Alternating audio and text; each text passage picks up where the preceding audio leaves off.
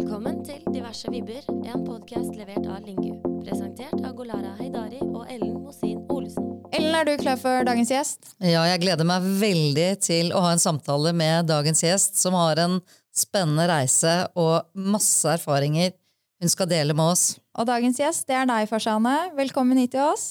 Takk, tusen takk. Du er en uh, klok person med mange kloke tanker, og derfor uh, spurte vi deg om du ville gjeste vår pod. Og det takket du heldigvis ja til. Så vi begynner med deg, vi. Kan ikke du fortelle litt om hvem du er? Ja, jeg er en kvinne med drømmer. Og så er jeg født i en vårdag i 1967 i Teheran, hovedstaden i Iran. Eh, som barn opplevde jeg revolusjon, og som ungdom opplevde jeg krig. Både krigen og revolusjonen lærte noe veldig viktig til meg. Og det var det som at det er ikke det viktigste som blir tatt fra deg i livet. Det som du har det igjen, og hvordan du bruker det, det er det som er viktigst. Hvor gammel var du da du flyttet til Norge? 33. Og du er flerspråklig? Det er jeg. Hvilket språk snakker du? Mitt morsmål er egentlig persisk, men mamma og pappa kom fra et område i Iran som de snakket tyrkisk, så jeg kan litt turkisk også. Og så lærte jeg meg litt engelsk på skole, og i jobben som jeg hadde i Iran, da måtte jeg kunne engelsk også. Men etter at jeg kom til Norge, da ble det mest norsk. Så fire språk. Ja, men jeg kan ikke si det at jeg er perfekt i engelsk og tyrkisk. Det er jeg ikke det. Men eh, persisk er morsmålet, og norsk går det bedre med norsken enn engelsken. Ja, men du kommuniserer godt på alle språk. Og norsk begynte å lære da du var 33, vil jeg anta, da du flyttet til Norge? Ja, Ja. det gjorde jeg, og det var ikke så lett, tro meg. Nei, det var ikke så lett, selv om du hadde lært andre språk uh, tidligere. Jeg tror at det var ikke bare språket, det hele kulturen, norske kulturen. fordi det var sånn at jeg også skulle lære mye. Det var ikke bare språket som jeg skulle lære det, så det ble mer press på en måte. Når man er i sitt eget land og så går på et kurs, et språkskurs, er det noe annet. Men når du er i fremmed land, og så skal du lære det språket, det kommer i tillegg eh, kulturer som er veldig viktig, synes jeg. Hva var det vanskeligste? det, det var alt som egentlig var det vanskelig. For meg var det litt sånn at norsk hørtes ut litt sånn som engelsk, men med andre dialekt, så jeg slet ganske mye. Og det er kanskje derfor som jeg sluttet å bruke engelsk i hverdagen eh, i Norge. Jeg ville helst snakke bare norsk. Hva var det gøyeste, da? Eller var det noe som var gøy? Å lære et nytt språk som voksen? Det er alltid gøy når du lærer noe nytt, uansett. Enten er det språk, er det kultur, eller rett og slett det er å lære om andre mennesker. Mm. Men du kom hit, du var 33. Hva var planene? Planen var å bo her i Norge og jobbe. Jeg jobbet helt til 5. september 2000, og så tok jeg flyet 6. september mot eh, Norge, og så plutselig ble jeg arbeidsledig. Planen ble ikke sånn som jeg hadde trodd at det skal bli, så det ble veldig slitsomt. Ja, Tok det lang tid før du kom hjem? Det tok lang, lang tid, nesten syv år. Hva var ditt første møte da med norsk arbeidsliv? Jeg, jeg kjente faktisk noen norske fra før, eh, fordi i Iran jobbet jeg i iranske oljeselskap, og der hadde vi faktisk kontakt ganske mye med Norsk Hydro og Saga Petroleum, og derfra kjente jeg flere. Så det var nesten som at eh, for meg, siden jeg jobbet på kontor der, det var ikke mye forskjell.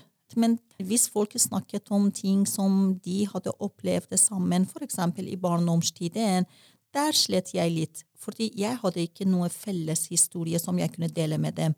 Og jeg tror ikke var det gøy å snakke om eh, revolusjon. Eh, for at ja, du så blod i gatene. Det var ikke det som du skulle dele. Og jeg må si det at en gang ble jeg kjempe, kjempelei meg i en av de eh, samlingene som vi hadde.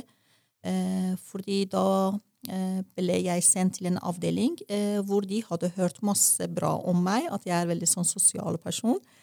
Og så kommer jeg dit, og i første lunsj som vi skulle hatt det sammen, de begynte å snakke om en sang som de hadde lært i barneskoletiden, og de snakket masse om den sangen og alt som hvordan de sang det. Og, og så sitter jeg der helt stille, og så spiser lunsjen min og bare lytter på dem. Og da var det en som faktisk litt sånn litt sånn på frekk møte sa til meg der eh, foran alle at du, Farsane, Eh, vi hadde hørt masse bra om deg, at du er veldig sosial person og sånn, men her sitter du helt stille.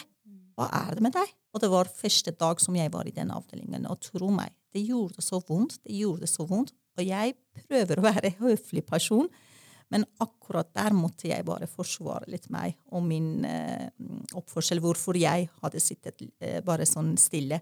Og da sa jeg, vet du hva, fordi jeg har ikke den felles historie som dere forteller om det. Eh, vil dere høre om min barndomstid? Jeg kan gjerne dele det. Men eh, da må dere nesten være klar over det, at her blir det veldig sånn triste saker.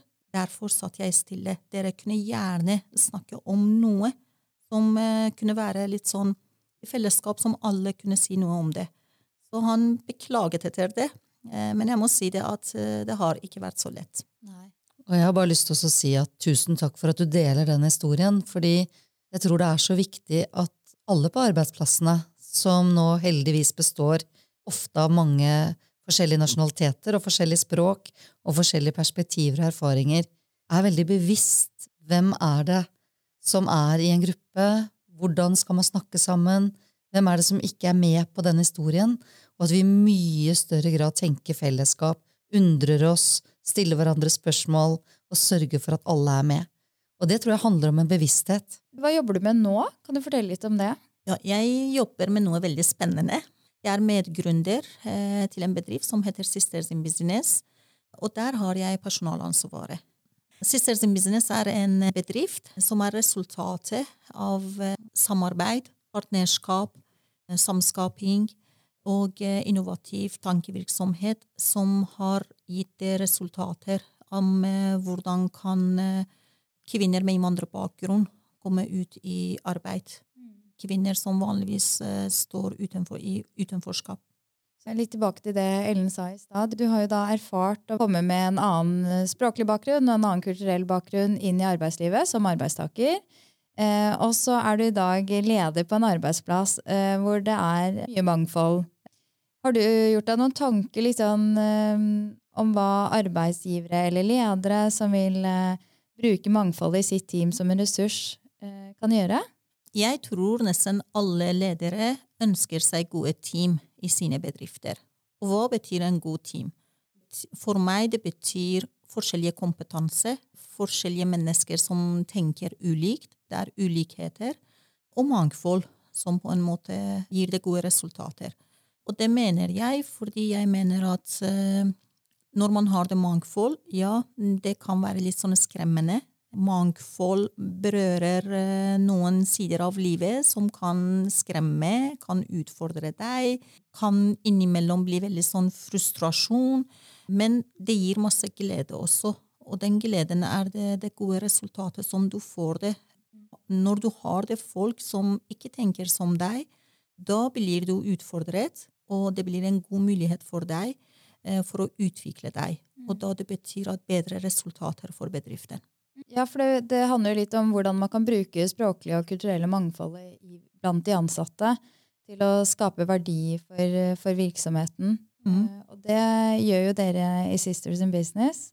Jeg har lyst til å fortelle litt om hvordan dere jobber med det. Vi har eh, kvinner med forskjellige bakgrunn, både når det gjelder utdanning og uh, måten som de er vokst opp. Vi har folk med forskjellige språknivå vi har noen som er veldig sånn konservative, eh, samtidig som vi har det folk som tenker ikke engang på religion. Eh, men allikevel, med å bygge gode rammer, har vi klart å ha et felles rom på en måte som alle kan være seg selv, med å vise respekt til hverandres synspunkter, diskutere saker, eh, utfordre hverandre og komme til gode beslutninger. Jeg tenker at alle i Norge i hvert fall er opptatt av et sånn likestilt eh, eh, og likeverdig liv for eh, alle mennesker. Og jeg mener eh, jeg kan gi deg like muligheter eh, til deg når jeg ser deg der du er, og jeg ser Ellen der hun er. Eh, og det er sånn som vi jobber i Sisters in Business. Vi ser våre ansatte der de er. Vi har det litt sånn forskjellbehandling. Det har vi. Eh, men den forskjellbehandlingen er for at alle skal kunne bruke den muligheten som de har foran seg. Da blir det deres valg. Det høres ut som dere gjør en kjempegod jobb med det, å bruke de ressursene som er i mangfoldet, og, eh, og møte deres ansatte der de er. Jeg må si det faktisk, hvis det er lov å skryte litt, da. ja, det er lov. Jeg er faktisk, jeg blir helt sånn rørt nå selv, og, og får det sånn gåsehud når jeg tenker at herregud, siden 2017, eh, som vi startet den eh, sosiale businessen til nå, nå er vi 16 stykker. Eh, det er to, med, eh, to norske, og så er vi 14 med innvandrerbakgrunn. Tenk at 14 damer, inkludert meg, da, stolte mødre, 14 skattebetalere, eh, 14 ressurser som er blitt sett, og ressursene deres blir det brukt. 14 mennesker, kvinner, som eh, betyr mye for familiene sine. Ikke bare den eh, økonomiske uavhengighet som de har eh, fått nå her hos oss, eh, men bare tanken at de kan på en måte eh, bestemme for sine liv og hjelpe barna sine i forhold til planer som barna har det. Så det er en sånn spesiell glede eh, som kan ikke beskrives med ord. Ja, men du har all grunn til å være stolt. Og det tenker jeg at er noe mange arbeidsgivere der ute og ledere kan eh, lære av Sisters in Business. For det å sette sammen team med forskjellige mennesker, med forskjellig språkbakgrunn og forskjellige perspektiver, det gjør noe magisk med arbeidsmiljøet, og det er verdiskapning på så mange plan. Og så er nå jeg veldig sikker på at uh, er vi forskjellige mennesker med forskjellige perspektiver, så er det et godt grunnlag for mye innovasjon, og det er min egen erfaring også. Ja. Og vet du hva, Golara, Ellen, det som jeg tenker uh, Jeg er en del av det samfunnet, det store samfunnet. Uh, og når vi tenker på mangfold, det er ikke bare innvandrere. Mangfold betyr mye. Eh, så hvis vi vil ha en sånn trygg samfunn, da det betyr at man må se alle og bruke de ressursene som finnes der ute. Enten man sitter på en rullestol, eller er blind, eller kommer fra et land som har aldri fått muligheten til å gå på skole, eh, og har lært litt norsk her, men det er en ressurs. Og det er utrolig dumt av samfunnet å ikke bruke de ressursene, fordi da blir det stort tap for samfunnet. Ja, man går glipp av mye. Innovasjon det er jo veldig i vinden. Vi, skal, eh, vi prøver å tenke nytt, prøver å få til nye ting. Og da kan vi ikke fortsette å gjøre ting akkurat som vi har gjort de før. Når du bruker ordet innovasjon, eh, som jeg sa det om Sisters in Business, som det er historie egentlig bak det samarbeidet og partnerskapet og innovativ tankevirksomhet som førte til gode resultater som nå de damene er i arbeid. Eh, hvis folk rundt det bordet som eh, var våre partnere da, hadde ikke tord å på en måte tenke nytt og gi det litt rom til å prøve det prosjektet. I starten var det et prosjekt, ikke sant? nå er det en bedrift. Men hvis folk ikke hadde tort, da hadde det ikke vært noe Sisters in Business nå. Men det er takket være at det var folk som trodde på våre ideer og tanker, eh, og så satset på det. Da ble det slik som det ble, at flere er i arbeid. Ja, og det er fortsatt uh, flere virksomheter som tror på dere. Dere samarbeider med andre bedrifter også. Det gjør vi. Det, og vi er avhengige av det. Uh, og nå er vi faktisk i en fase som Vi er ikke et prosjekt. Vi er en bedrift med vanlig lønn som betales til ansatte. Uh, alle er i 100% faste stillinger. Eh, og da må produktene våre bli solgt, slik vi kan lønne de ansatte. Så vi er avhengige av samarbeid eh, på litt sånn forskjellige måter.